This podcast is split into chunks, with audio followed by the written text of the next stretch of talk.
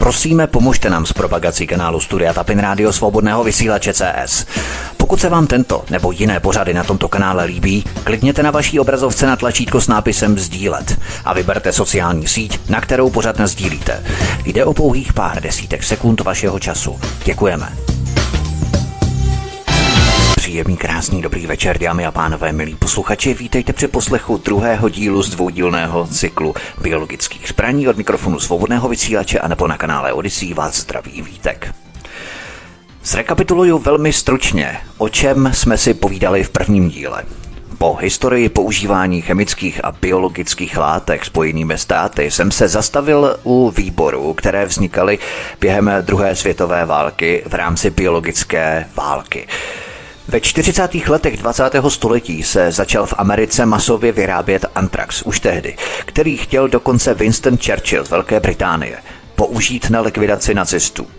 Dále jsem se podrobně podíval na tajné biologické partnerství mezi Spojenými státy a Japonskem, zatímco se na pacifické frontě válčilo od Pearl Harboru na druhé utajené frontě se kryly zvěrstva páchaná v rámci pokusů na lidech japonskými lékaři jako doktor Shiro Ishii a jeho jednotka 731 prováděli pitvu na živých obětech nebo chirurgické zákroky, vyřezávání orgánů opět na živých zajatcích. Tento doktor Shiro Ishii nejenže nebyl odsouzený za bestiální válečné zločiny, ale dokonce přednášel v americkém středisku biologických zbraní ve Fort Detricku. Marylandu. Inu zamlčovaná tajemství historie. Podíval jsem se na spolupráci Spojených států s Kanadou, na korejskou válku, na operace s nakaženým hemizem, mouchami, komáry, plechami, operace Dropkick, Big Bus nebo Big Itch a další. Proskoumal jsem také Dugway v útahu a 6 tisíc mrtvých ovcí postříkaných látkou VX z letadel. Podíval jsem se také na ministra obrany Roberta McNamaru, někdejšího ministra obrany tedy Spojených států amerických, který posvětil pokusy na vojácích vlastní americké armády v Pacifiku. Podíval jsem se na biologické zbraně na Kubě a nakonec virové patogeny v dalších převážně latinskoamerických zemích. To bylo v minulém díle, o tom jsme si povídali v minulém díle, tak vás eh, prosím, pokud jste to neslyšeli, je to taký si úvod pro díl, který bude následovat, kde doklepnu ještě biologické zbraně a vrhnu se na geneticky modifikovaná semena. Takže pokud jste ještě minulý díl neslyšeli, prosím, určitě si ho pustíte, protože ta historie, abychom znali ty historické souvislosti, to je velmi důležité. Pojďme ale teď na první kapitolu Válka v Perském zálivu, 90. léta minulého století. Opět se jedná o mini kapitolku čistě pro encyklopedii americké chronologické účely. Na konci války v Perském zálivu, to znamená rok 1991, americká armáda vyhodila do povětří irácký sklad chemických zbraní v Kamašíji.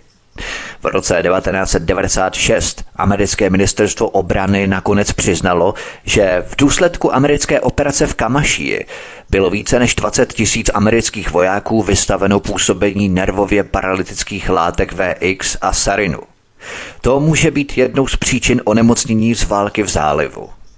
Další příčinou jsou jistě experimentální vakcíny, které byly nevědomky podané více než 100 tisícům amerických vojáků. Pojďme na další kapitolu Výroba antraxu, projekt Beckhas a další, 2000. Opět mini kapitolka nebo velmi krátká kapitola pro encyklopedické chronologické účely. V roce 2000 jsme potom měli třeba projekt Backhouse, jehož cílem bylo zjistit, Zda je možné vybudovat zařízení na výrobu antraxu v cizí zemi a přitom zůstat neodhalený. Přitom existovaly samozřejmě další takové programy, všechny s hloupými názvy a všechny určené k posouzení šíření infikovaného hmyzu a jiných smrtících patogenů do civilního obyvatelstva. Byly držené tyto projekty ve velké tajnosti, protože byly z hlediska vnitrostátního práva nezákonné a odporovaly mezinárodnímu právu a mnoha zbrojním smlouvám, které ostatní státy v dobré víře se spojenými státy podepsaly. Pojďme na další kapitolu Projekt pro nové americké století 2000. V roce 2000 vypracoval projekt pro nové americké století zprávu nazvanou Přestavba americké obrany, která obsahovala radikální a bojovné ambice pravicové politiky pro Ameriku. Jejich zpráva se nazývala Plán na udržení globální převahy Spojených států a utváření mezinárodního bezpečnostního řádu v souladu s americkými zásadami a zájmy. Autoři, jejíž genocidní mentalita je zřejmá, prohlásili, cituji v této zprávě. Pokročilé formy biologické války, které mohou cílit na konkrétní genotypy, mohou změnit biologickou válku na politicky užitečný nástroj. Jde o druhou kapitolu Biologická válka. Cituji ještě dál. Mnohé nemoci se šířily přirozeně, ale některé mohly být důsledkem nepřátelství nebo zhoubného působení jiných národů. V posledních letech nebyly zaznamenané případy biologické války. Historie však naznačuje, že biologické zbraně mohou být vyvinuté tak, aby způsobily rozsáhlý teror. Biologická válka představuje obrovskou hrozbu pro bezpečnost národa. Vláda Spojených států amerických zavedla několik opatření, aby takovým útokům zabránila. Vláda Spojených států chrání své občany. Vláda Spojených států udělala mnoho proto, aby její občané netrpěli biologickými hrozbami. To je velmi cynické a skeptické na to, co jsme si říkali v prvním dílu, co všechno vláda Spojených států provedla svým vlastním občanům i vojákům. Ale pojďme dál v té citaci. Zavedla řadu opatření. Některé z těchto přístupů jsou následující. Vláda poskytuje obrovské finanční prostředky ministerstvu zdravotnictví, což pomáhá budovat lepší oddělení. Peníze se také používají na vytváření zásob léků a léčiv. Financovala vybudování větších laboratoří, které provádějí různé testy v rámci fám o biologické válce. Přijala zákony, které zakazují komukoliv vlastnit nebo ohrožovat věci, které mohou být použité k vývoji biologických zbraní. Vybudovala lepší výcviková zařízení, která nabízejí školení zdravotníků a dalším pracovníkům ve veřejném zdravotnictví. Konec citace. Tady vidíme, že se financuje vznik dalších laboratoří.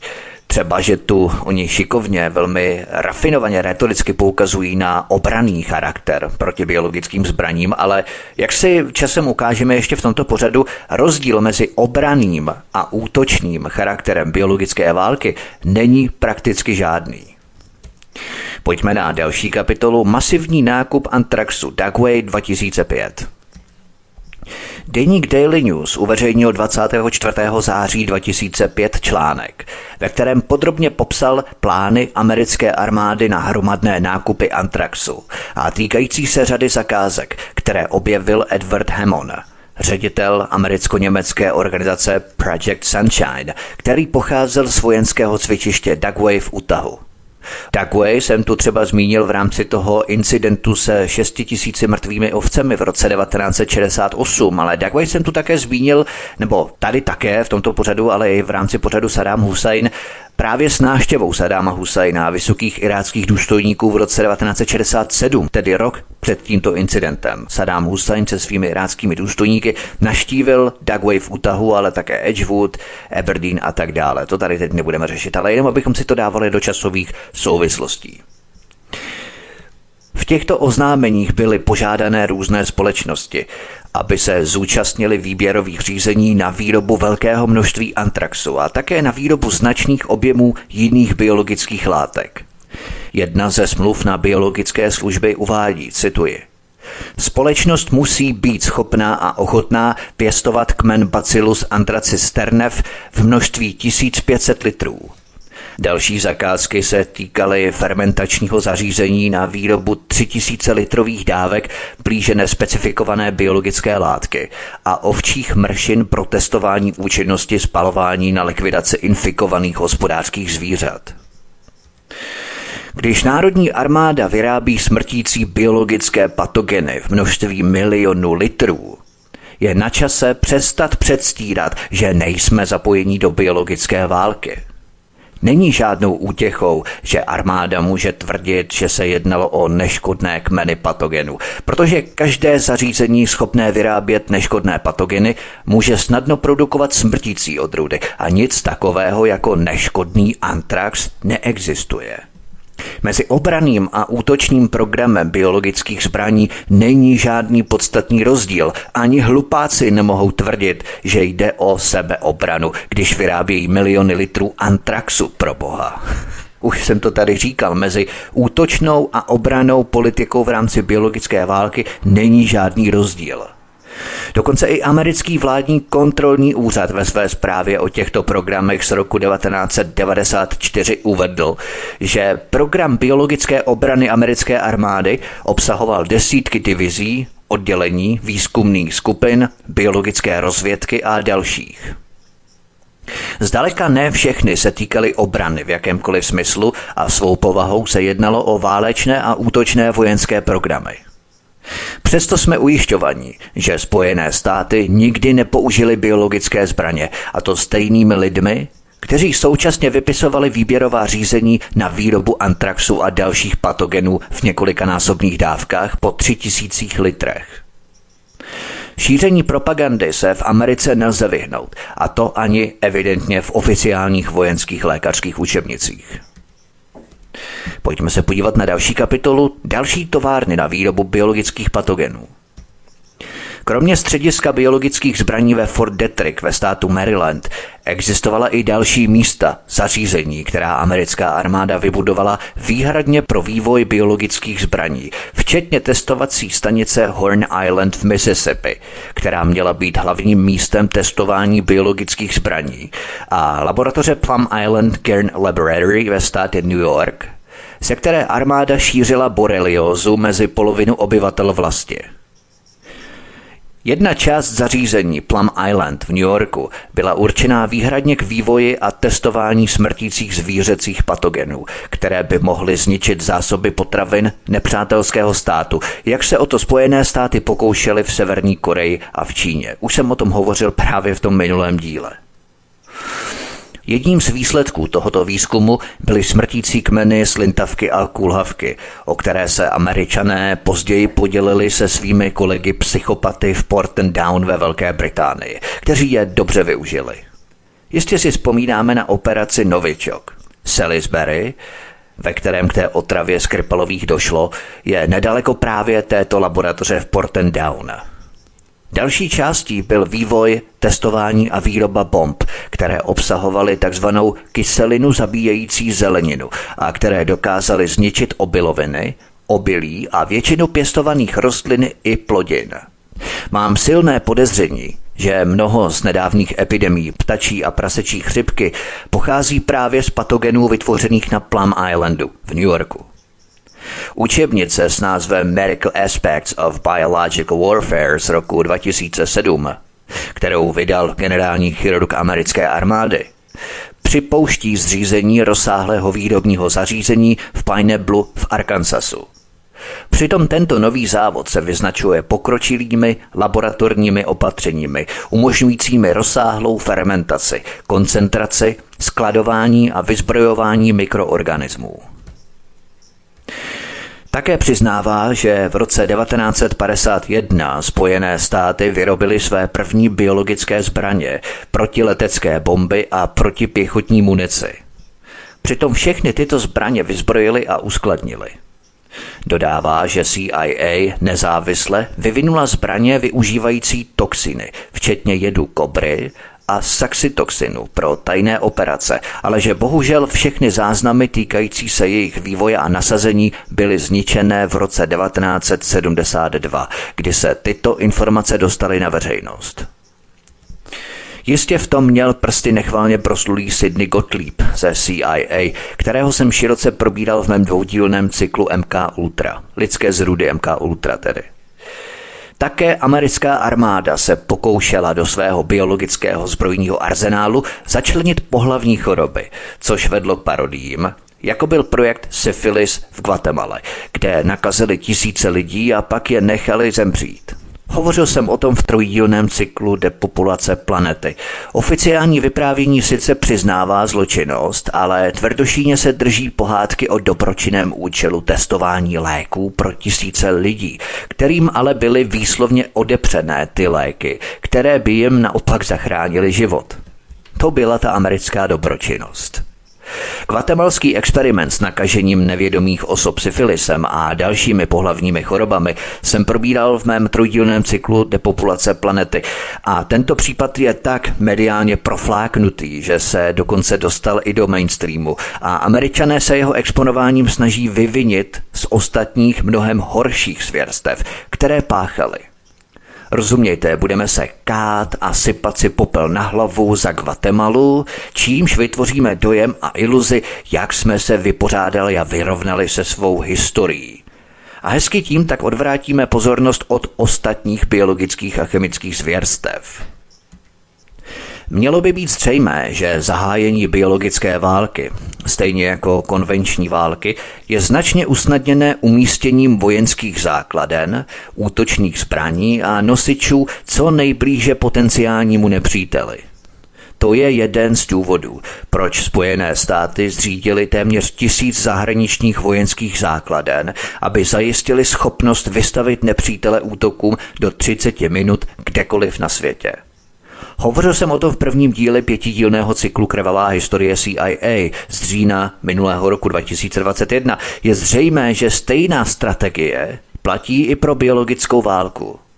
Americká armáda vytvořila v cizích zemích desítky těchto vojenských laboratoří, armádních laboratořích, eufemisticky definovaných jako zdravotně bezpečnostní infrastruktura.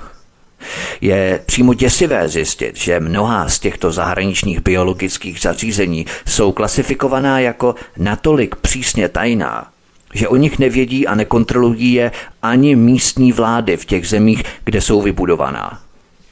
Děsivé je také zjištění, že všechny epidemie eboli propukly v těsné blízkosti několika těchto dobře známých, přísně tajných amerických laboratoří na výrobu biologických zbraní v Africe. O ebole v Sierra Leone a Liberii jsem hovořil opět v trojdílné depopulaci planety z ledna tohoto roku. Pojďme se podívat na další kapitolu Španělská ptačí chřipka. Před několika lety panovaly velké obavy, když američtí vědci znovu vytvořili virus španělské chřipky, který v roce 1918 zabil asi 50 milionů lidí. Než se jim to podařilo, strávili nad tím 9 let a teď je velké množství tohoto viru uloženo v přísně střežené vládní laboratoři v Atlantě ve státě Georgia. Nedávno vědci také vytvořili zmutovaný superkmen smrtelného viru ptačí chřipky H5N1, který je přímo přenosný mezi lidmi a měl nejméně 50% smrtelnost, což v roce 2005 vyvolalo obavy z celosvětové pandemie, která by mohla zabít stovky milionů lidí. Koncem roku 2013 více než 50 nejvýznamnějších světových vědců ostře kritizovalo výzkum Rona Fouchera a jeho kolegů z lékařského centra Erasmus v Rotterdamu, kteří vyvíjeli zmutované odrůdy viru ptačí chřipky H5N1, které jsou pro člověka mnohem nebezpečnější. Vědci napsali, že výzkum byl navržený tak, aby byl virus plně přenosný mezi lidmi a měl zjevně dvojí civilně vojenskou funkci – Takto upravená chřipka by mohla zabít polovinu světové populace, a to nikoli náhodou. Americká armáda financovala tento výzkum částkou více než 400 milionů dolarů.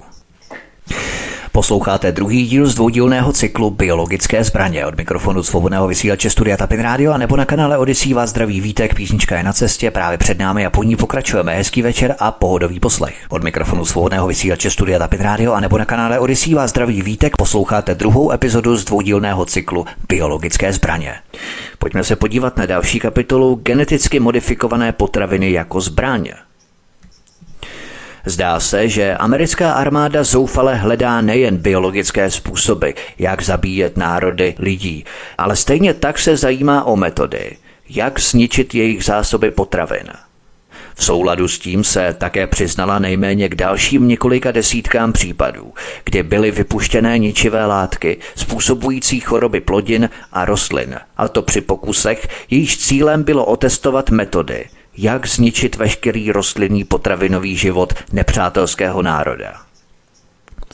V roce 2012 japonská média odhalila, že vláda Spojených států v 60. a počátkem 70. let minulého století testovala na Okinavě a na Tajvanu specifické biologické zbraně, které ničily plodiny pomocí DNA a že americká armáda některé z nich testovala i na území kontinentálních spojených států. Byly použité také ve Větnamu.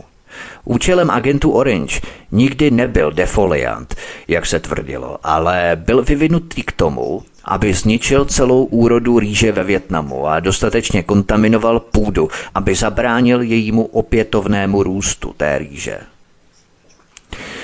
Geneticky modifikovaná semena a geneticky modifikované potraviny představují pro všechny národy velké riziko. A to do té míry, že je, podle mě, z mnoha důvodů nutné tyto potraviny zcela zakázat. Toto téma je příliš rozsáhlé na to, abych se jim tady zabýval nějak rozsáhle, ale jeden aspekt si zaslouží krátkou zmínku. Kdybychom se zeptali na původ geneticky modifikovaných semen, na to, jak tato myšlenka vznikla a jak se vyvíjela, kdo prováděl ten výzkum a kdo poskytl finanční prostředky, jak bychom odpověděli? Mohli bychom rozumně naznačit, že tato myšlenka možná vznikla na katedře biologie nebo zemědělství některé univerzity, nebo že ji mohla vymyslet a realizovat vládní laboratoř, která se zabývala výzkumem zásobování potravinami.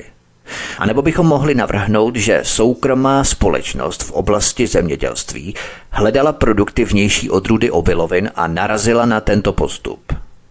Mohli bychom navrhnout všechny tyto odpovědi, ale v každém případě bychom se mýlili. Geneticky modifikované osivo totiž vymyslelo, propagovalo, zkoumalo a financovalo americké ministerstvo obrany, respektive americké ministerstvo války.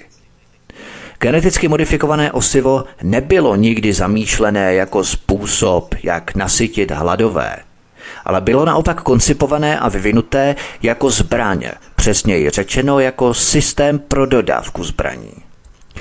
Geneticky modifikované osivo nebylo nikdy určené k podpoře lidského života, ale naopak k jeho likvidaci. Musíme si uvědomit, že geneticky modifikované osivo není produktivnější ani zdravější než tradiční dědičné plodiny. Naopak je mnohem dražší a ničivější. Ovšem představuje téměř neodolatelné vojenské výhody proti každému národu, který se stane závislým na tomto zdroji potravinových zrn. Jednou z nich je, že Spojené státy je mohou použít jako politickou zbraň a odmítnout dodávat osivo znevýhodněnému národu, což může způsobit rozsáhlý hladomor a rozvrat. Druhá možnost je zlověsnější, protože mnoho skupin experimentuje s technologií genového štěpení a vkládá nepříbuznou DNA do různých semen. Třeba v jednom případě v Kanadě objevilo vládní oddělení gen proti zamrzání, obsažený v krvi ryb, žijících v arktických vodách, který jim umožňuje přežít ve vodách s teplotou pod bodem mrazu. Vědci tento gen vpravili do plodin kanadské pšenice, což umožnilo, aby pšenice odolávala také mrazivým teplotám bez poškození. A nebo třeba společnost Monsanto tyto geny vnutila také rajčatům, čím vzniklo první geneticky modifikované rajče. A nebo třeba americká výzkumná laboratoř vpravila geny ze světlušek do rostlin tabáku, čímž vzniklo tabákové pole, které ve tmě svítilo.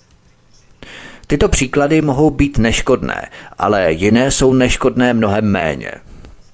Americké ministerstvo obrany investovalo obrovské částky do výzkumu zaměřeného na vpravování smrtících genů do semen těchto geneticky modifikovaných plodin, včetně virů pravých neštovic, ptačí a prasečí chřipky, koronavirů, moru, AIDS a dalších.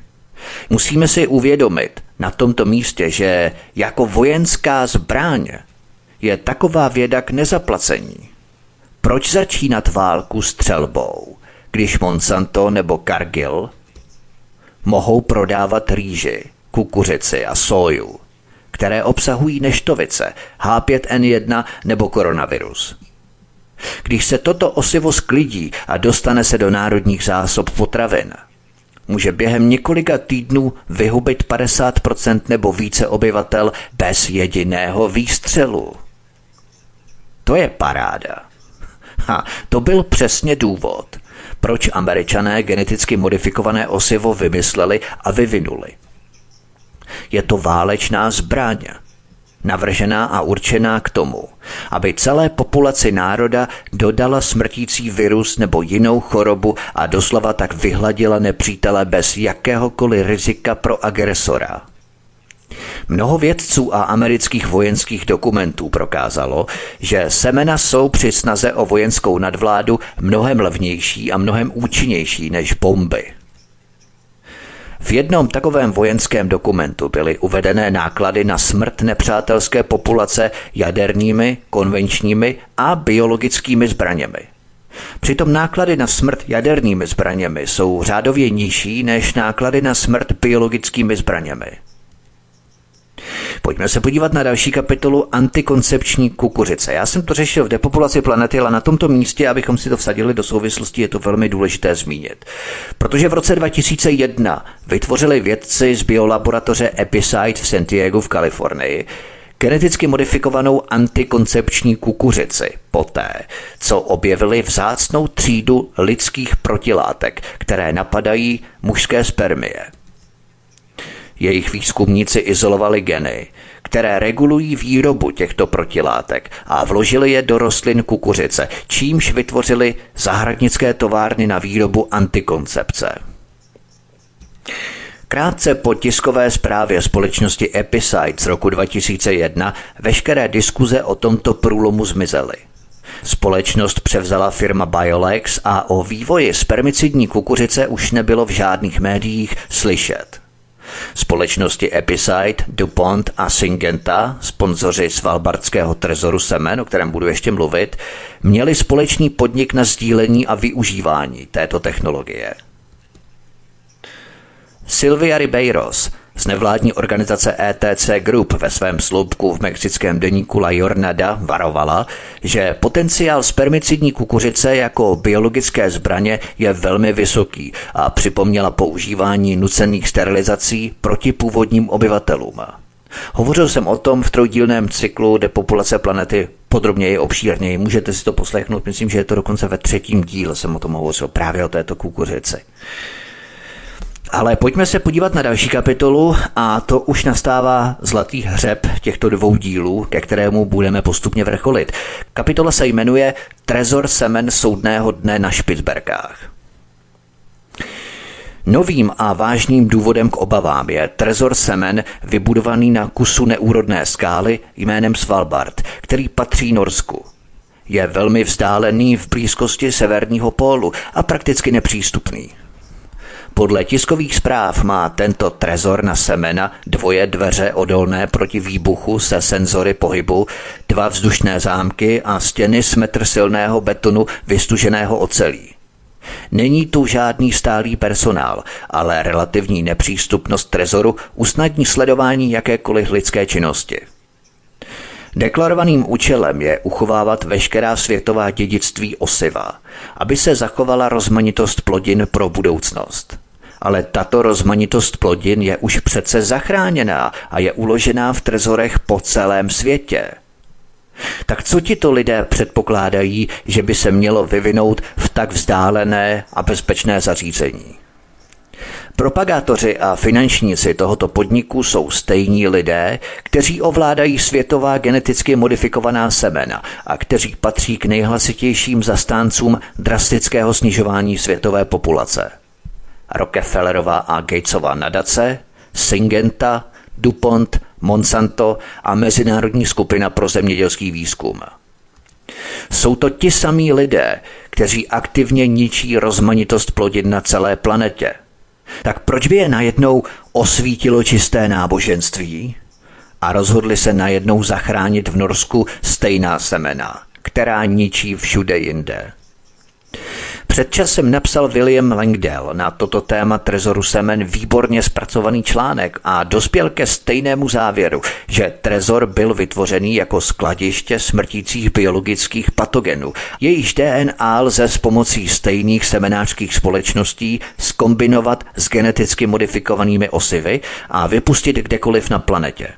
Žádné jiné využití by nevysvětlovalo seznam účastníků ani potřebu vzdáleného umístění a prakticky jaderně odolného zabezpečení těchto semen. William Engdahl se ptal, cituji, je to náhoda, že ty též organizace od Norska přes Rockefellerovu nadaci až po Světovou banku jsou zapojené i do projektu Svalbardské banky Osiva? A teď si uvědomme, že jedním z lidí, kteří nejvíce investují miliony do semené banky v Bárencově moři, poblíž Severního ledového oceánu, asi 1100 kilometrů od severního pólu, je vedle Světové banky a Rockefellerovy nadace také Bill Gates a jeho nadace. Uvědomme si, že to jsou investoři. Chtějí investovat. Je uskladnění semen kdesi v severním pólu nebo u severního pólu výdělečným projektem? No samozřejmě, že není. A přesto na tomto bohem zapomenutém ostrově investuje Bill Gates spolu s Rockefellerovou nadací a korporací Monsanto, nadací Syngenta a norskou vládou cpou desítky milionů do takzvané banky semen soudného dne. Kdykoliv se Bill Gates, Rockefellerova nadace, Monsanto a Syngenta spojí ve společném projektu, stojí za to zapátrat trochu hlouběji za skalami na Špicberkách. Když to uděláme, najdeme fascinující věci. Tím prvním pozoruhodným bodem je, kdo sponzoruje trezor osiva soudného dne. Zde se k norům připojují, jak jsem uvedl, nadace Billa a Melindy Gatesových, dále americký agrobiznisový gigant DuPont Pioneer Hybrid, jeden z největších světových vlastníků patentovaných geneticky modifikovaných osiv, rostlin a souvisejících agrochemikálií. Dále tu máme společnost Syngenta, což je hlavní švýcarská společnost vyrábějící geneticky modifikovaná osiva a agrochemikálie prostřednictvím své nadace Syngenta Foundation, dále Rockefellerova nadace, soukromá skupina, která od 70. let minulého století vytvořila genovou revoluci s více než 100 miliony dolarů na osivo a nakonec Mezinárodní skupina pro zemědělský výzkum, globální síť vytvořená Rockefellerovou nadací k prosazování svého ideálu tzv. genetické čistoty prostřednictvím změn v zemědělství. Pojďme se podívat na další kapitolu, která na to přímo navazuje. Rockefellerova nadace, globální zemědělská revoluce 1970. Abychom pochopili skutečný význam tohoto trezoru semen ve Špicberkách a hlavně kdo ho sponzoruje, musíme se podívat hlouběji do historie, jak ve svých pořadech ustavičně a opakovaně tvrdím. Už v roce 1960 Rockefellerova nadace, Rada pro rozvoj zemědělství Johna D. Rockefellera III a Fordova nadace spojili své síly a vytvořili Mezinárodní institut pro výzkum rýže v Los Banos na Filipínách.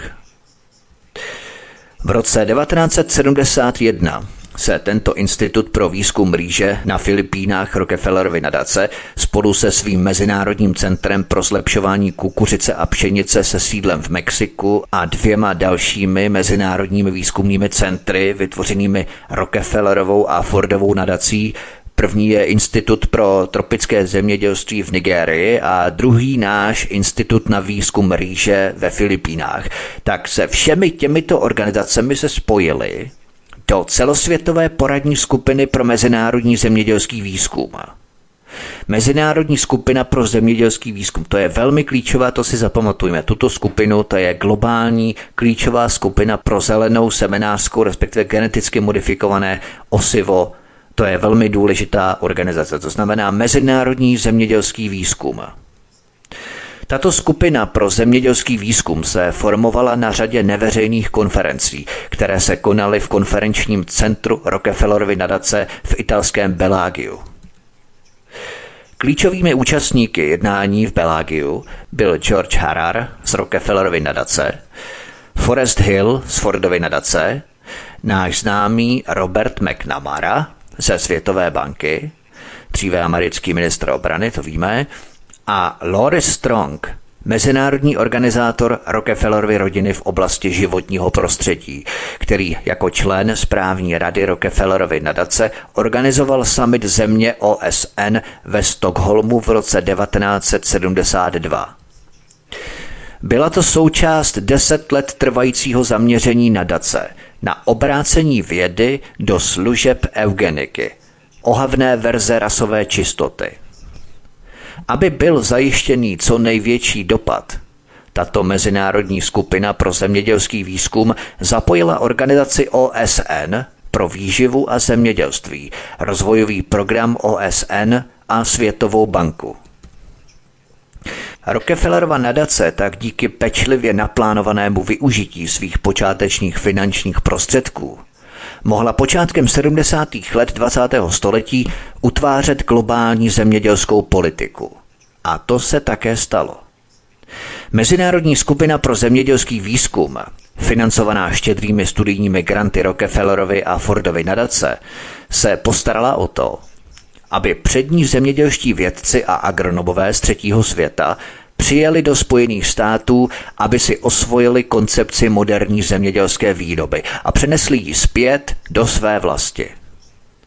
Vytvořili tak neocenitelnou síť vlivu pro propagaci amerického agrobiznesu v těchto zemích a zejména pro propagaci GMO, tedy genové revoluce v rozvojových zemích, a to všechno ve jménu vědy a efektivního zemědělství na volném trhu. Pojďme se podívat na další kapitolu genetické inženýrství jako nadřazená rasa. Teď právě začíná být velmi zajímavá ta banka semen ve Špicberkách, ale je to ještě lepší. Projekt, o kterém jsem teď hovořil, je projektem Rockefellerovy nadace a mocných finančních zájmů od 20. let 20. století. Jehož cílem je pomocí eugeniky, později přejmenované na genetiku, ospravedlnit vytvoření geneticky upravené panské rasy. Hitler a nacisté ji nazývali árijská panská rasa. Hitlerovu eugeniku financovala z velké části také Rockefellerova nadace, která dnes buduje trezor semen soudného dne ve Špicberkách, aby uchovala vzorky všech semen na naší planetě.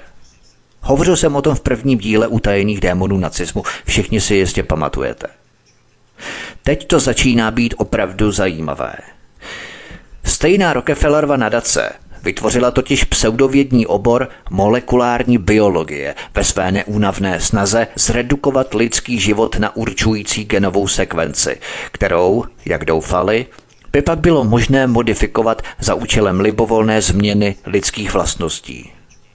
Hitlerovi eugeničtí vědci, z nichž mnozí byli po válce v tichosti přivezení právě do Spojených států, aby pokračovali ve svém biologickém eugenickém výzkumu, položili velkou část základu genetického inženýrství různých forem života. Z nich většina byla otevřeně podporovaná až hluboko do třetí říše štědrými granty Rockefellerovy nadace.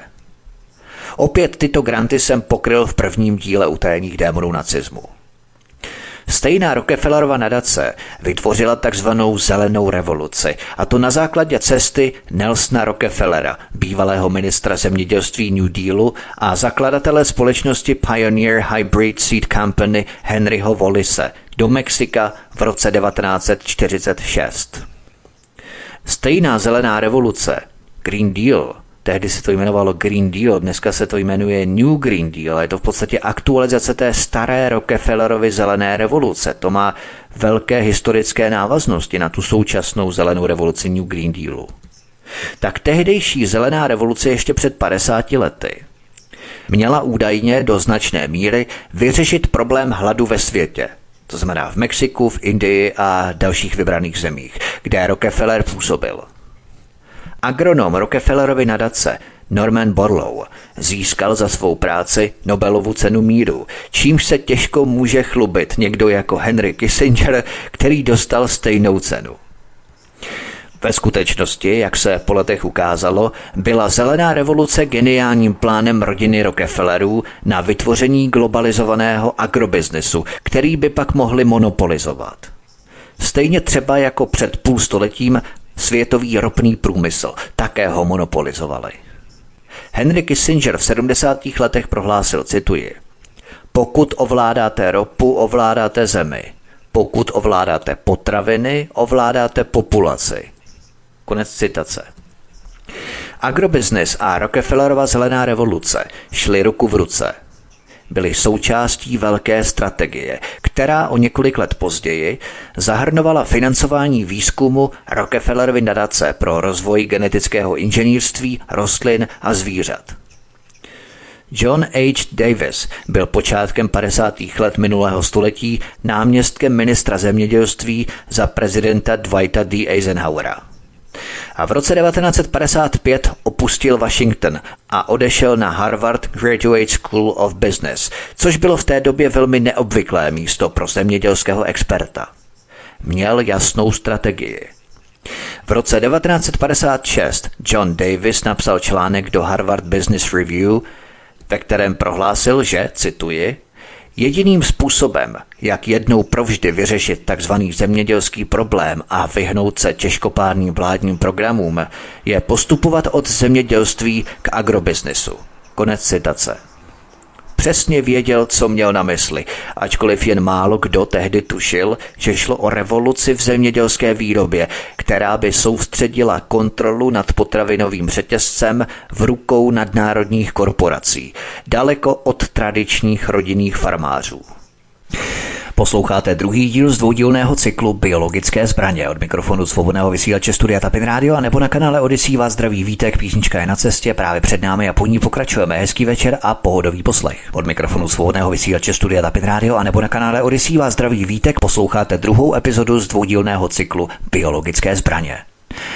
Zásadním aspektem, který vedl k zájmu Rockefellerovy nadace a amerických agrobiznisových společností, byla skutečnost, že zelená revoluce byla založena na šíření nových hybridních osiv na rozvojových trzích.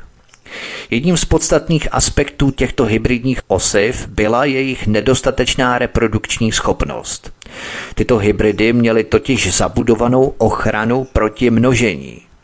To je velmi důležité. Ty hybridy měly zabudovanou ochranu proti množení. Ta hybridní osiva se prostě nemohla množit. Na rozdíl od běžných, otevřeně opilovaných druhů, jejich semena dávala výnosy podobné svým rodičům, byl výnos semen nesenými hybridními rostlinami výrazně nižší než výnosy první generace. Oni se prostě nemohli množit, ta další semena, zadarmo. To znamená, tyto agrobiznisové korporace by v tom neměly vůbec žádný zisk. Oni by se ty rostliny množily sami od sebe, přirozeně a hlavně zadarmo. A proto museli přinutit zemědělce, aby každý rok museli nakupovat nová a nová osiva, protože ty hybridní osiva měly v sobě zabudovanou ochranu proti množení. A tato klesající výnosnost, charakteristická pro hybridy, znamenala, že zemědělci musí obvykle každý rok nakupovat osivo, aby dosáhli vysokých výnosů. Byl to geniální a zvrácený trik. Oni museli zasadit hybridní osivo, které se nemnožilo, a tak museli každý rok nakupovat pořád nová a nová semena. Jak jsem řekl, běžná semena se prostě množí sama od sebe, z čehož by ale agrobiznis neměl žádný zisk, žádný vejvar. tak do těch hybridních semen zabudovali ochranu proti množení. A tím si zajistili, že zemědělci budou muset, ať chtějí nebo ne, rok co rok nakupovat nová a nová semena. Každou sezónu. Hnusný trik agrobiznisu Rockefellerů. Nižší výnos druhé generace navíc eliminoval obchod s osivem, který často prováděli výrobci osiva bez povolení šlechtitele. To zabránilo přerozdělování osiva komerčních plodin zprostředkovateli. Pokud velké nadnárodní osivářské společnosti byly schopné kontrolovat rodičovské linie osiva ve vlastní režii, žádný konkurent nebo zemědělec by nemohl vyrábět hybridy. Celosvětová koncentrace patentů na hybridní osivo do hrstky obřích seminářských společností v čele s Pioneer Hybrid, společnosti DuPont a DeKalb, společnosti Monsanto, položila základ pro další revoluci v oblasti geneticky modifikovaných osiv. Zavedení moderních amerických zemědělských technologií, chemických hnojiv a komerčních hybridních osiv ve svém důsledku způsobilo, že místní zemědělci v rozvojových zemích, zejména v těch větších a zavedenějších, se stali závislými na zahraničních, většinou amerických agropodnicích a vstupem petrochemických společností. Byl to první krok v pečlivě plánovaném procesu, který měl trvat desítky let. V rámci zelené revoluce agrobiznis výrazně pronikal na trhy, na které měli dříve američtí vývozci omezený přístup. Tento trend byl později nazvaný tržně orientované zemědělství. Ve skutečnosti šlo o zemědělství řízené agrobiznesem. Pojďme na další kapitolu Orchestrace zelené revoluce agrobiznesem.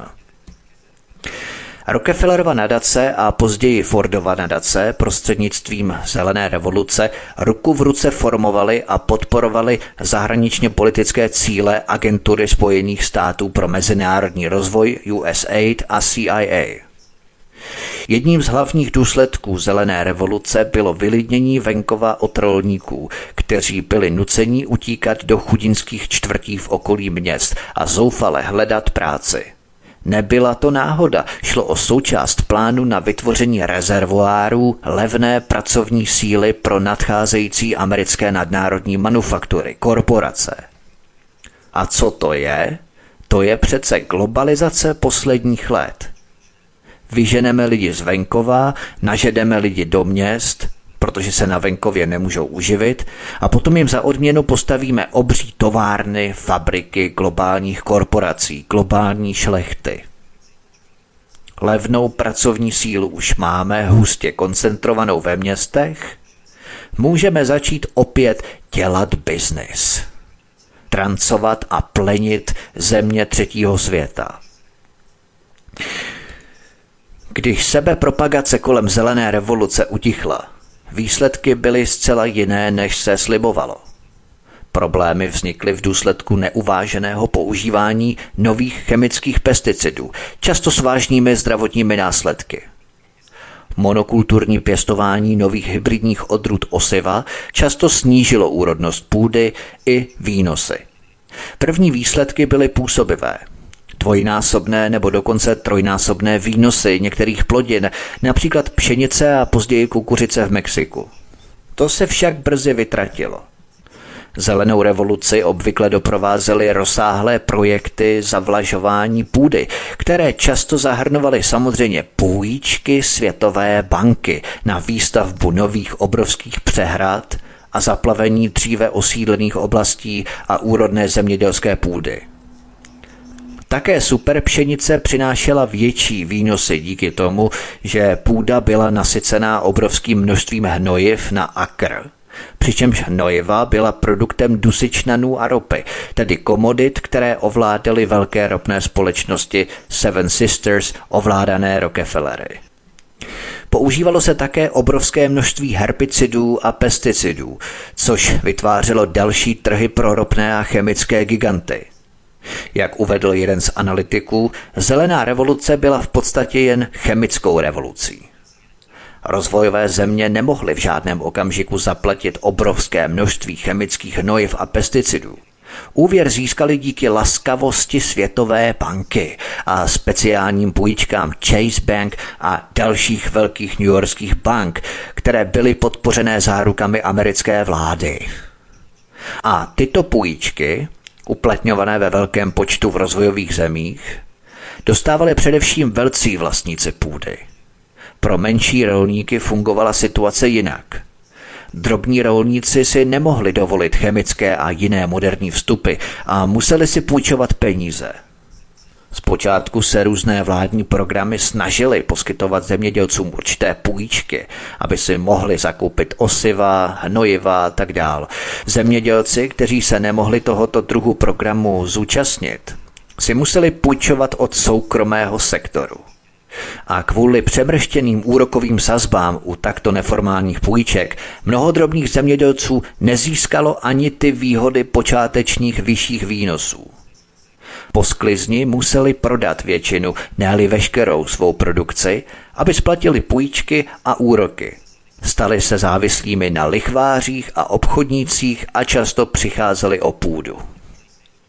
Dokonce i s výhodnými půjčkami od vládních agentur ustoupilo pěstování plodin pro samozásobení, to znamená pro vlastní potřebu, tak to ustoupilo produkci plodin určených k výdělku. Prostě biznis na prvním místě a potom až pro vlastní potřebu a pro jídlo. Nejprve musíme přece vydělat. Od několika desetiletí se ty též zájmy, včetně Rockefellerovy nadace, která podporovala počáteční zelenou revoluci, snaží prosadit druhou genovou revoluci, jak ji před několika lety nazval prezident Rockefellerovy nadace Gordon Conway.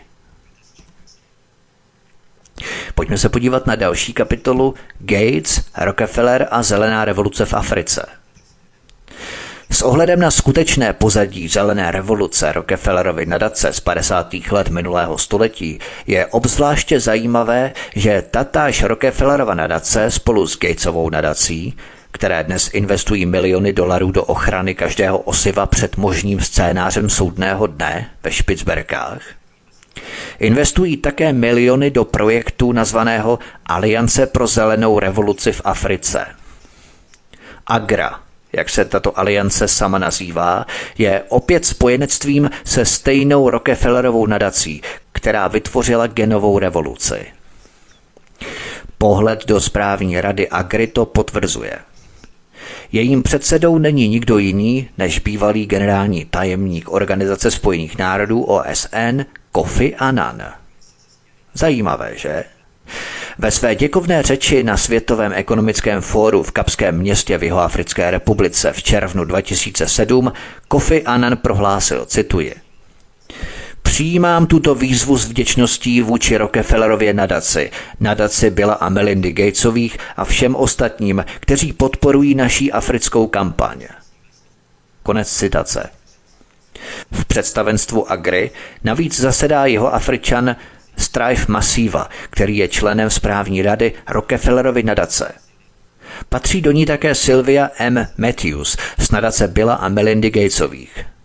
Manfela Ranfel, bývalý výkonný ředitel Světové banky mezi lety 2000 až 2006, Rájiv Shah z Gatesovy nadace USA a teď také v nadaci pro inkluzivní kapitalismus, Nadia G. Šnavonjevová z Rockefellerovy nadace, a Roy Steiners z Gatesovy nadace.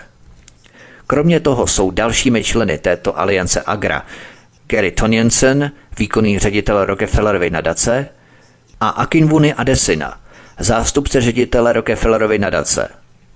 Pro doplnění sestavu této aliance Agra tvoří Peter Metlon, výkonný ředitel Rockefellerovy nadace, potom Joseph Debris, ředitel programu pro africké semené systémy a zástupce ředitele Rockefellerovy nadace a nakonec Akinwuni Adisena, zástupce ředitele Rockefellerovy nadace.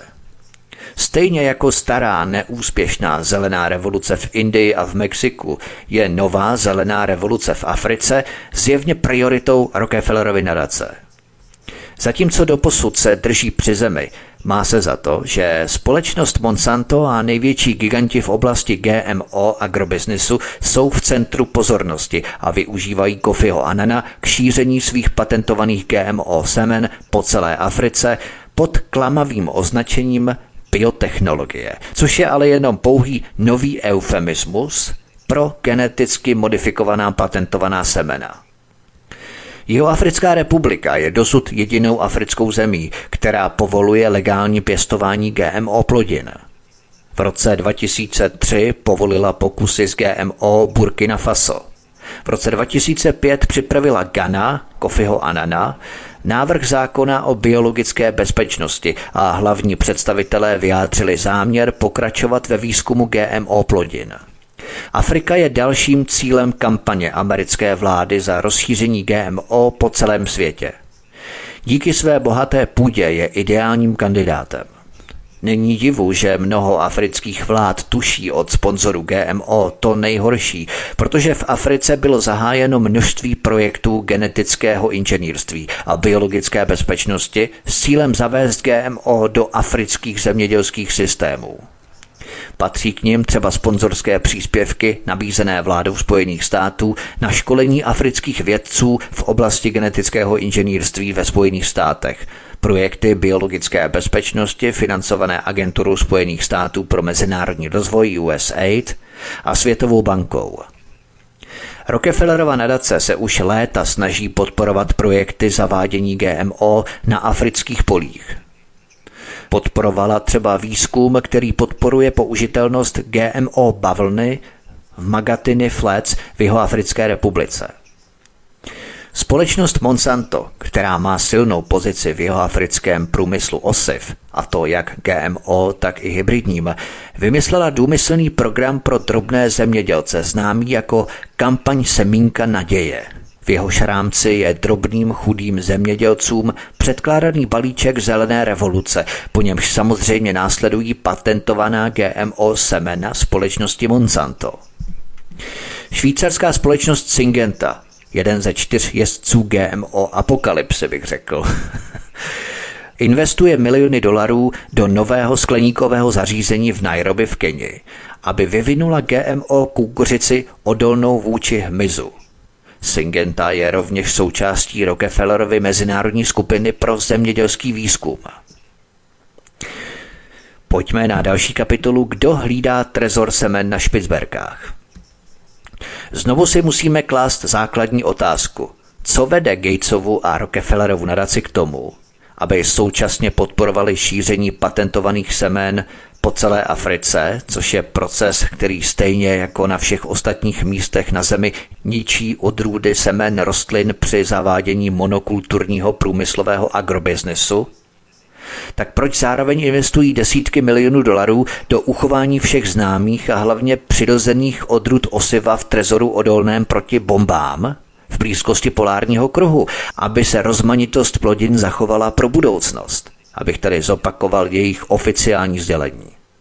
Oni na jedné straně masově podporují geneticky modifikované osivo, rostliny, a na druhé straně uchovávají přirozená semena – Není náhodou, že Rockefellerova a Gatesova nadace se spojily, aby společně prosadili zelenou revoluci ve stylu GMO v Africe a zároveň v tichosti financují trezor semen soudného dne na Špicberkách.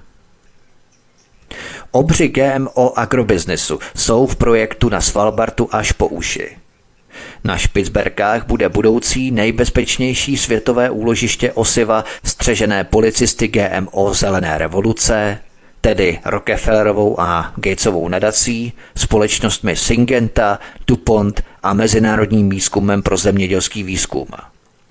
Tento projekt na Svalbardu bude řídit organizace nazvaná Global Crab Diversity Trust. To je další velmi zásadní společnost. Kdo jsou tito lidé, že mají tak úžasnou důvěru nad všemi odrůdami osiv na planetě? Tuto Global Crab Diversity Trust založila organizace OSN pro výživu a zemědělství a Biodiversity International, dříve Mezinárodní ústav pro genetický výzkum rostlin, což je odnož Mezinárodní skupiny pro zemědělský výzkum. Tato Global Crab Diversity Trust sídlí v Římě. Jeho správní radě předsedá Margaret Ketley Carlsnová, kanaděnka, která je také členkou poradního sboru skupiny Suez Lyonnaise des Eaux, jedné z největších soukromých vodárenských společností na světě. Margaret Ketley Carlsnová byla do roku 1998 také prezidentkou populační rady se sídlem v New Yorku. Pamatujete si na populační radu, kterou jsem podrobně rozebíral v depopulaci planety? Populační rada je organizace Johna D. Rockefellera III. pro snižování počtu obyvatel na Zemi, která byla založena v roce 1952 za účelem prosazování eugenického programu rodiny Rockefellerů, pod rouškou propagace plánování rodin, antikoncepčních zařízení, sterilizace a kontroly populace v rozvojových zemích. Všímejte si, žádná konspirace. Sedí tu stále ti samí lidé. Žena, která sedí ve společnosti hlídající trezor semen ve Špicberkách, je zároveň členkou Rockefellerovy populační rady. mají pořád stejné koně v klíčových postech. Mezi další členy správní rady Global Crop Diversity Trust, té společnosti, která hlídá trezor semen na Špicberkách, patří bývalý manažer Bank of America, v současnosti šéf hollywoodské společnosti DreamWorks Animation, Louis Coleman. Louis Coleman je rovněž vedoucím ředitelem správní rady společnosti Northrop Grumman Corporation, jednoho z největších amerických dodavatelů Pentagonu pro vojenský průmysl. Rozbíral jsem ji tuším ve třetím díle trilogie Sadáma Husajna. Dále třeba Jorio Dostr z Brazílie je také předsedou představenstva společnosti Brazil Ecodiesel. Je bývalým velvyslancem Brazílie při Evropské unii a hlavním vyjednávačem brazilského zahraničního dluhu pro ministerstvo financí. Jorio Dostr působil také jako prezident Brazilského kávového institutu a jako koordinátor projektu modernizace brazilského patentového systému, který zahrnuje legalizaci patentů na geneticky modifikovaná osiva, což brazilské zákony donedávna zakazovaly. Dále Kerry Fowler je výkonným ředitelem našeho Global Crop Diversity Trust – Gary Fowler byl profesorem a ředitelem výzkumu na katedře mezinárodních studií životního prostředí a rozvoje na Norské univerzitě přírodních věd. Působil také jako hlavní poradce generálního ředitele Bioversity International.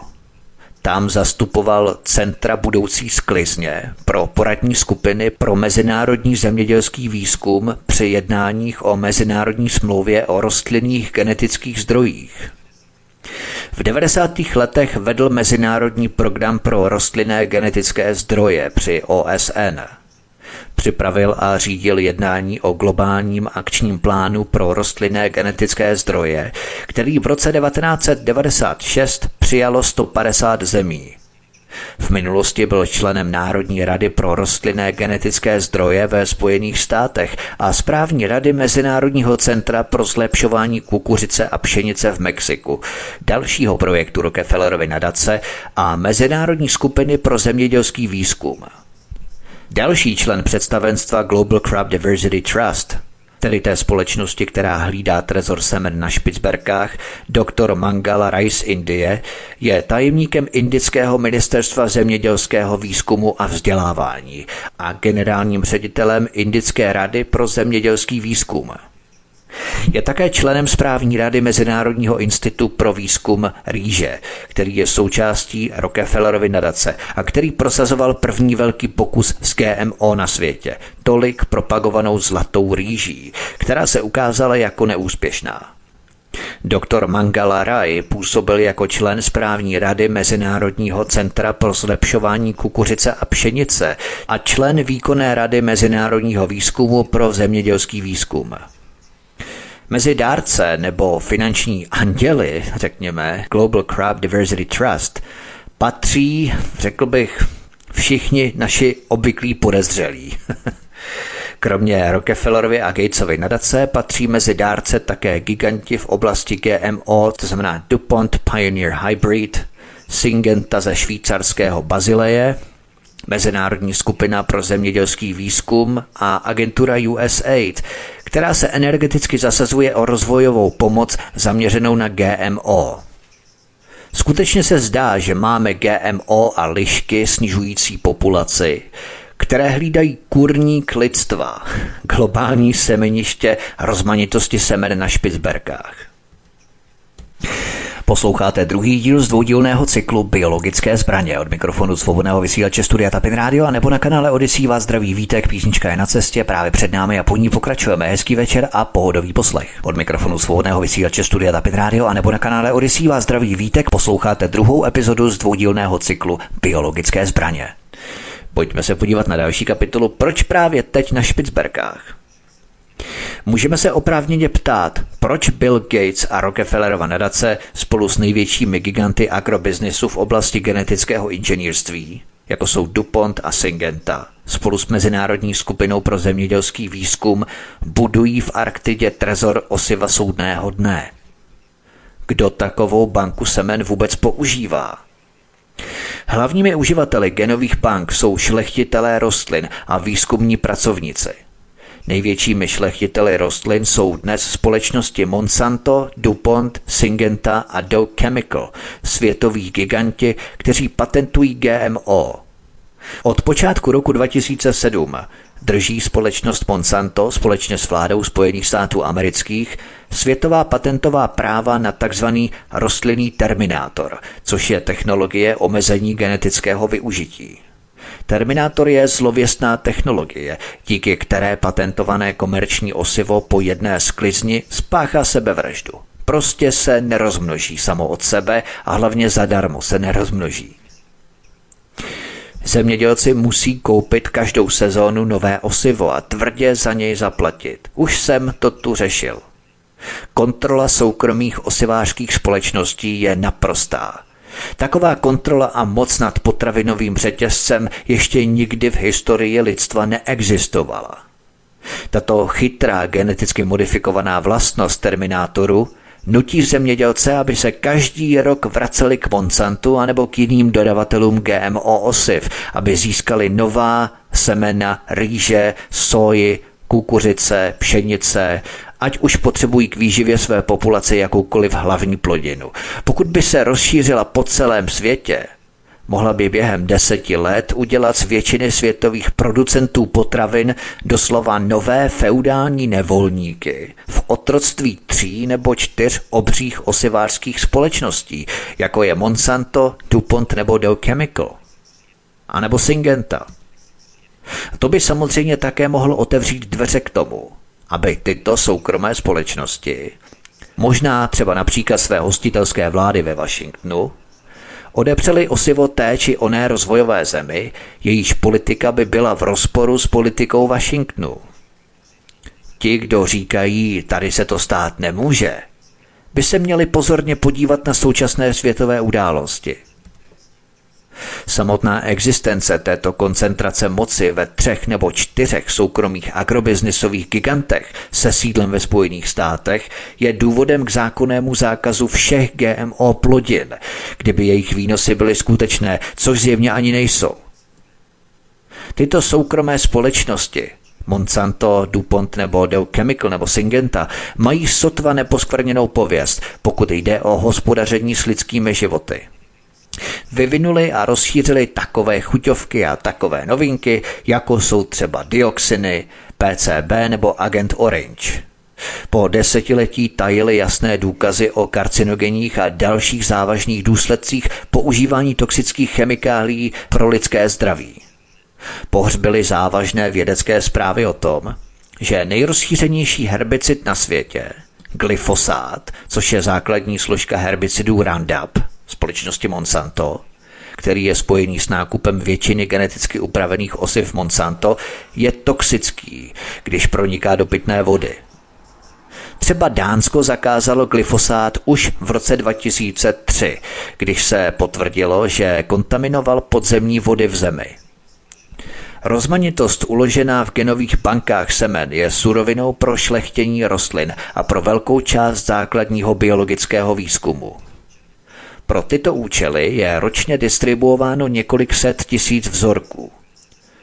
OSN pro výživu a zemědělství uvádí přibližně 1400 semených bank po celém světě, z nichž největší je v držení vlády Spojených států amerických, další velké banky vlastní Čína, Rusko, Japonsko, Indie, Jižní Korea, Německo a Kanada. Kromě toho Mezinárodní skupina pro zemědělský výzkum provozuje řetězec semených bank ve vybraných centrech po celém světě. Mezinárodní skupina pro zemědělský výzkum, kterou v roce 1972 založili Rockefellerova nadace a Fordova nadace s cílem šířit svůj model agrobiznisu zelené politiky nebo zelené revoluce, kontroluje většinu soukromých semených bank od Filipín přes Sýrii až po Keniu – Celkem tyto současné banky osiv uchovávají více než 6,5 milionu odrůd osiv, z nichž téměř 2 miliony jsou odlišné.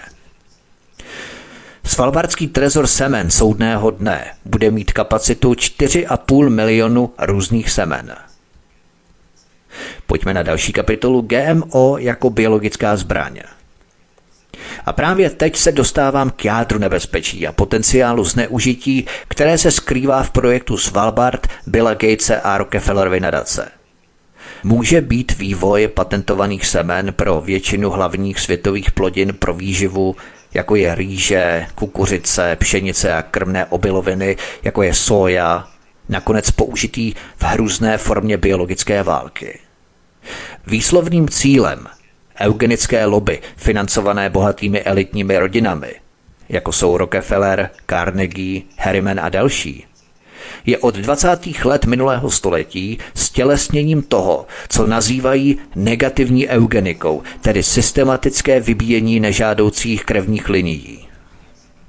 Margaret Sangerová, rychlá eugenička a zakladatelka organizace Plánované rodičovství Planned Parenthood International a důvěrná přítelkyně rodiny Rockefellerů, vytvořila v roce 1939 něco, co se jmenovalo The Negro Project – v překladu Projekt Černochů se sídlem v New Yorkském Harlemu, který, jak se svěřila v dopise příteli, spočíval v tom, že, jak se vyjádřila, cituji, chceme vyhladit černochskou populaci. O Margaret Sangerové jsem hovořil velmi obšírně a detailně v prvním díle do populace planety. Jak jsem už několikrát zmínil, jak tady, tak i právě ve zmiňované depopulaci planety, malá kalifornská biotechnologická společnost Epicide v roce 2001 oznámila vývoj geneticky upravené kukuřice, která obsahovala spermicid, který činil sperma mužů, kteří ji snědli, neplodnými. V té době měla společnost Epicide uzavřenou dohodu o společném podniku na šíření své technologie se společnostmi DuPont a Syngenta, dvěma sponzory Svalbardského trezoru semen soudného dne. Už to nikomu konečně docvakává, pokud už to nedocvaklo. Od té doby společnost Epicide koupila biotechnologická společnost ze Severní Karolíny – a překvapivé bylo zjištění, že Epicite vyvinula svou spermicidní GMO kukuřici z výzkumných prostředků amerického ministerstva zemědělství téhož ministerstva, které navzdory celosvětovému odporu nadále financovalo vývoj technologie Terminator, nyní v držení společnosti Monsanto. V 90. letech minulého století zahájila Světová zdravotnická organizace VHO pod OSN kampaň na očkování milionů žen v Nikaraguji, Mexiku a na Filipínách ve věku 15 až 45 let údajně proti tetanu, nemoci, která vzniká například při šlápnutí na rezavý hřebík. Vakcína nebyla podávaná mužům ani chlapcům přestože jsou pravděpodobně stejně náchylní k šlápnutí na rezavý hřebík. Nebo myslíte, že ne? Že muži nemůžou šlápnout na rezavý hřebík jako ženy? Hovořil jsem o tom tuším ve druhém díle trilogie Depopulace planety. Proto to jenom stručně zopakuju, nebudu se v tom příliš dlouho zdržovat. Kvůli této zvláštní anomálii pojala římskokatolická laická organizace Komité pro Vida de Mexico podezření a nechala otestovat vzorky vakcín. Ty testy odhalily, že ta vakcína proti tetanu, kterou VHO šířila pouze mezi ženami v plodném věku, obsahuje lidský choriový gonadotropin neboli HCG. HCG je přírodní ženský hormon, který v kombinaci s nosičem tetanového toxoidu stimuluje protilátky znemožňující ženě udržet těhotenství.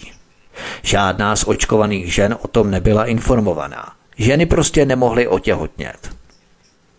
Později vyšlo najevo, že Rockefellerova nadace spolu s Rockefellerovou populační radou, Světovou bankou, tedy sídlem Mezinárodní skupiny pro zemědělský výzkum a Národním zdravotním ústavem Spojených států se podíleli na 20 let trvajícím projektu zahájeném v roce 1972 Jehož cílem bylo vyvinout pro VHO skrytou potratovou vakcínu s nosičem tetanu. Podrobně jsem to opět rozebíral v depopulaci. Kromě toho norská vláda, která hostuje svalbardský trezor semen soudného dne, věnovala 41 milionů dolarů na vývoj speciální potratové vakcíny proti tetanu. Je náhoda, že ty též organizace od Norska přes Rockefellerovu nadaci až po Světovou banku se podílejí i na projektu Svalbardské banky Semen? Podle profesora Francise Boyle, který vypracoval zákon o boji proti biologickým zbraním z roku 1989, přijatý americkým kongresem, se Pentagon, cituji, připravuje na boj a vítězství v biologické válce v rámci dvou pušových národních strategických směrnic přijatých, jak poznamenává, bez vědomí a kontroly veřejnosti v roce 2002. Francis Boyle dodává, že jen v letech 2001 až 2004 utratila federální vláda Spojených států 14,5 miliardy dolarů za civilní práci související s biologickou válkou, což je ohromující částka. Biolog z Rogersovy univerzity Richard E. Braid odhaduje, že Spojené státy mají dnes přístup k patogenům vhodným pro biologické zbraně více než 300 biologických institucí a přibližně 12 tisíc osob. Jen na výzkum infekčních nemocí s potenciálem pro biologické zbraně existovalo 497 grantů americké vlády – Samozřejmě se to zdůvodňuje obranou proti možnému teroristickému útoku, jak jinak. Velký budget vlády Spojených států vynaložených na výzkum biologických zbraní zahrnuje i genetické inženýrství. Profesor biologie Jonathan King říká, že rostoucí programy biologického terorismu představují významné vznikající nebezpečí pro naší vlastní populaci – Jonathan King dodává, že zatímco takové programy jsou vždy označené za obrané, u biologických zbraní se obrané a útočné programy téměř zcela překrývají. Jinými slovy se vůbec neliší. Přesně to celé protkává tento i minulý náš pořad. Jedině čas ukáže, zda je, nedej bože, Svalbardská banka Semen soudného dne Billa Gatese a Rockefellerovy nadace součástí dalšího konečného řešení, tentokrát zahrnujícího vyhynutí pozdní velké planety Země. Pojďme na další kapitolu, poslední kapitolu, závěr. Od prvních dnů amerických experimentů s biologickými zbraněmi se američtí političtí a vojenští představitelé stejně jako úředníci CIA, nijak nesnažili skrývat svůj zájem o vývoj metod infikování osob rakovinou jako metody zbavování se jim nepohodlných národních vůdců, metody s dokonalou možností popření. O tomto tvrzení svědčí záznamy Spojených států, které různými způsoby zavraždili asi 150 politických vůdců jiných zemí. Lákavé je, že biologické zbraně jsou nejen velmi účinnými masovými zabijáky, ale ve srovnání se střílecími válkami jsou i poměrně úsporné – Stejně tak lze genetické zbraně šířit mnoha způsoby, pomocí virem infikovaného hmyzu nebo bakterií, anebo je vpravovat do geneticky modifikovaných semen. Tyto zbraně je velmi obtížné odhalit a identifikovat a často se může stát, že léčba nebo vakcína bude připravovaná roky. Doktor Leonard Horovic, známý whistleblower farmaceutického průmyslu, citoval jednoho experta, který řekl, že by plánoval biologický útok, cituji, s jemnými finesami, aby to vypadalo jako přirozená epidemie a to by oddálilo reakci a zablokovalo rozhodovací proces. I když máte podezření na biologický terorismus, je velmi těžké ho dokázat. Stejně tak je těžké ho vyvrátit. Můžete vystopovat zásilku zbraní, ale je téměř nemožné vystopovat původ viru, který pochází z brouka. Konec citace. Jeden z dalších autorů poznamenal, že řádně provedené vypuštění infekční látky by stížilo diagnostiku a léčbu a dodal, že tento druh biologické války nelze vystopovat až k jejímu zdroji a mohl by být považovaný za boží čin. Zdá se, že mnoho nedávných epidemií nemocí by se správně kvalifikovalo jako potenciální biologické bojové látky. AIDS, SARS, MERS, ptačí chřipka, prasečí chřipka, hantavirus, borelioza, západonilský virus, ebola, dětská obrna v Sýrii, slintavka a kůlhavka, syndrom války v Perském zálivu, Zika a ve finále COVID-19. Máme tu ale i historické utajované souvislosti, které média a učebnice dějepisu úspěšně zamlčují. Hovořil jsem třeba o tom, že Winston Churchill chtěl v roce 1944 vyřídit Němce půl miliony antraxových bomb vyrobenými ve Spojených státech amerických, ale jeho generálové ho od takové akce odradili. A nebo jsem také hovořil o tom, že Spojené státy poskytly imunitu japonským generálům, kteří prováděli strašlivé pokusy s biologickými látkami na čínských zajatcích v Mančusku, aby japonské výsledky mohly být použité při vývoji biologického arzenálu Spojenými státy. A samozřejmě lékaře, nejenom japonské generály, samozřejmě lékaře a vědce. Ve skutečnosti to byly Spojené státy, které po druhé světové válce vedly tajné závody ve zbrojení těmito zbraněmi, ačkoliv je v roce 1969 odsoudili. A jsou to právě Spojené státy americké, které museli téměř půl století žít s obviněním Číňanů, že v korejské válce skutečně použili biologické zbraně v rozporu s ženevským protokolem z roku 1925. Vzhledem k této historii je dnešní pokrytectví Washingtonu a Londýna ohromující. A ještě více ohromující je ale skutečnost, že se o těchto zvěrstvech páchaných Washingtonem a Londýnem nemluví. Ani se je nedozvíme z učebnic dějepisu. Západní mass média to všechno úspěšně zignorovala. Cenzurovala celou tuto část historie – a dokonce i internet je pečlivě pročišťovaný od těchto informací. To můžu dokumentovat na skutečnosti, že dobrá třetina odkazů, které tu mám jako studijní materiál, když jsem připravoval tento pořad, ze kterých jsem čerpal, už je nedostupná. To si nedělám legraci, nebo prostě články zmizely.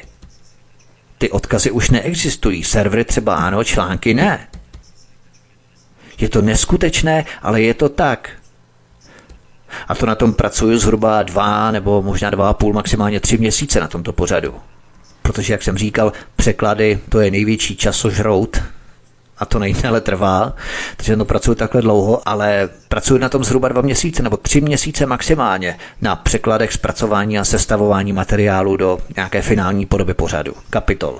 A přesto dobrá třetina odkazů, když jsem to proklikával, teď tady mám několik desítek, zhruba 50 odkazů, tak třetina z těch odkazů, které mě před dvěma třeba měsíci normálně fungovaly, dnes už nefungují.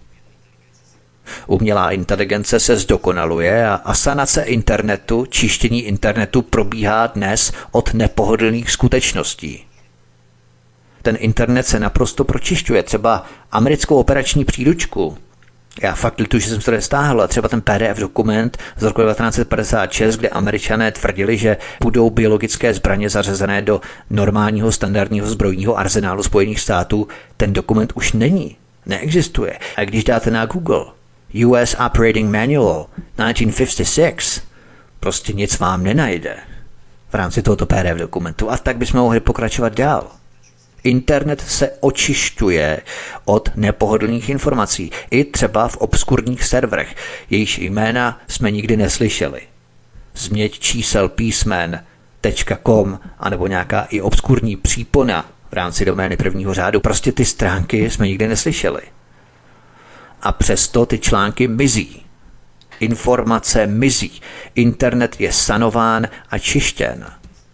Svoboda slova vždy závisí výhradně na tom, kdo ovládá média. Ten, kdo ovládá média, tvoří a píše jeho vlastní verzi dějin. To by bylo všechno k dnešnímu pořadu. Já vám děkuji za to, že jste poslouchali tento i předchozí díl biologických zbraní, že jsme se společně dozvěděli něco jiného. Já budu samozřejmě rád za vaše postřehy, názory, komentáře v rámci komentářů pod tímto programem, pořadem na kanále Odyssey a budu samozřejmě rád, když se registrujete na kanál Odyssey a tady zvolíte na tomto kanále tlačítko odebírat. Tam je takové tlačítko odebírat, na to klikněte a také klikněte na zvoneček v rámci upozornění na nové pořady, abyste nezmeškali další pořady, které pro vás chystám. Od mikrofonu svobodného vysílače Studia Tapin Radio nebo na kanále Odyssey vás zdraví Vítek, mějte se všichni krásně a příště se s vámi opět budu těšit na slyšenou. Prosíme, pomožte nám s propagací kanálu Studia Tapin Radio Svobodného vysílače CS. Pokud se vám tento nebo jiné pořady na tomto kanále líbí, klikněte na vaší obrazovce na tlačítko s nápisem Sdílet a vyberte sociální síť, na kterou pořád sdílíte. Jde o pouhých pár desítek sekund vašeho času. Děkujeme.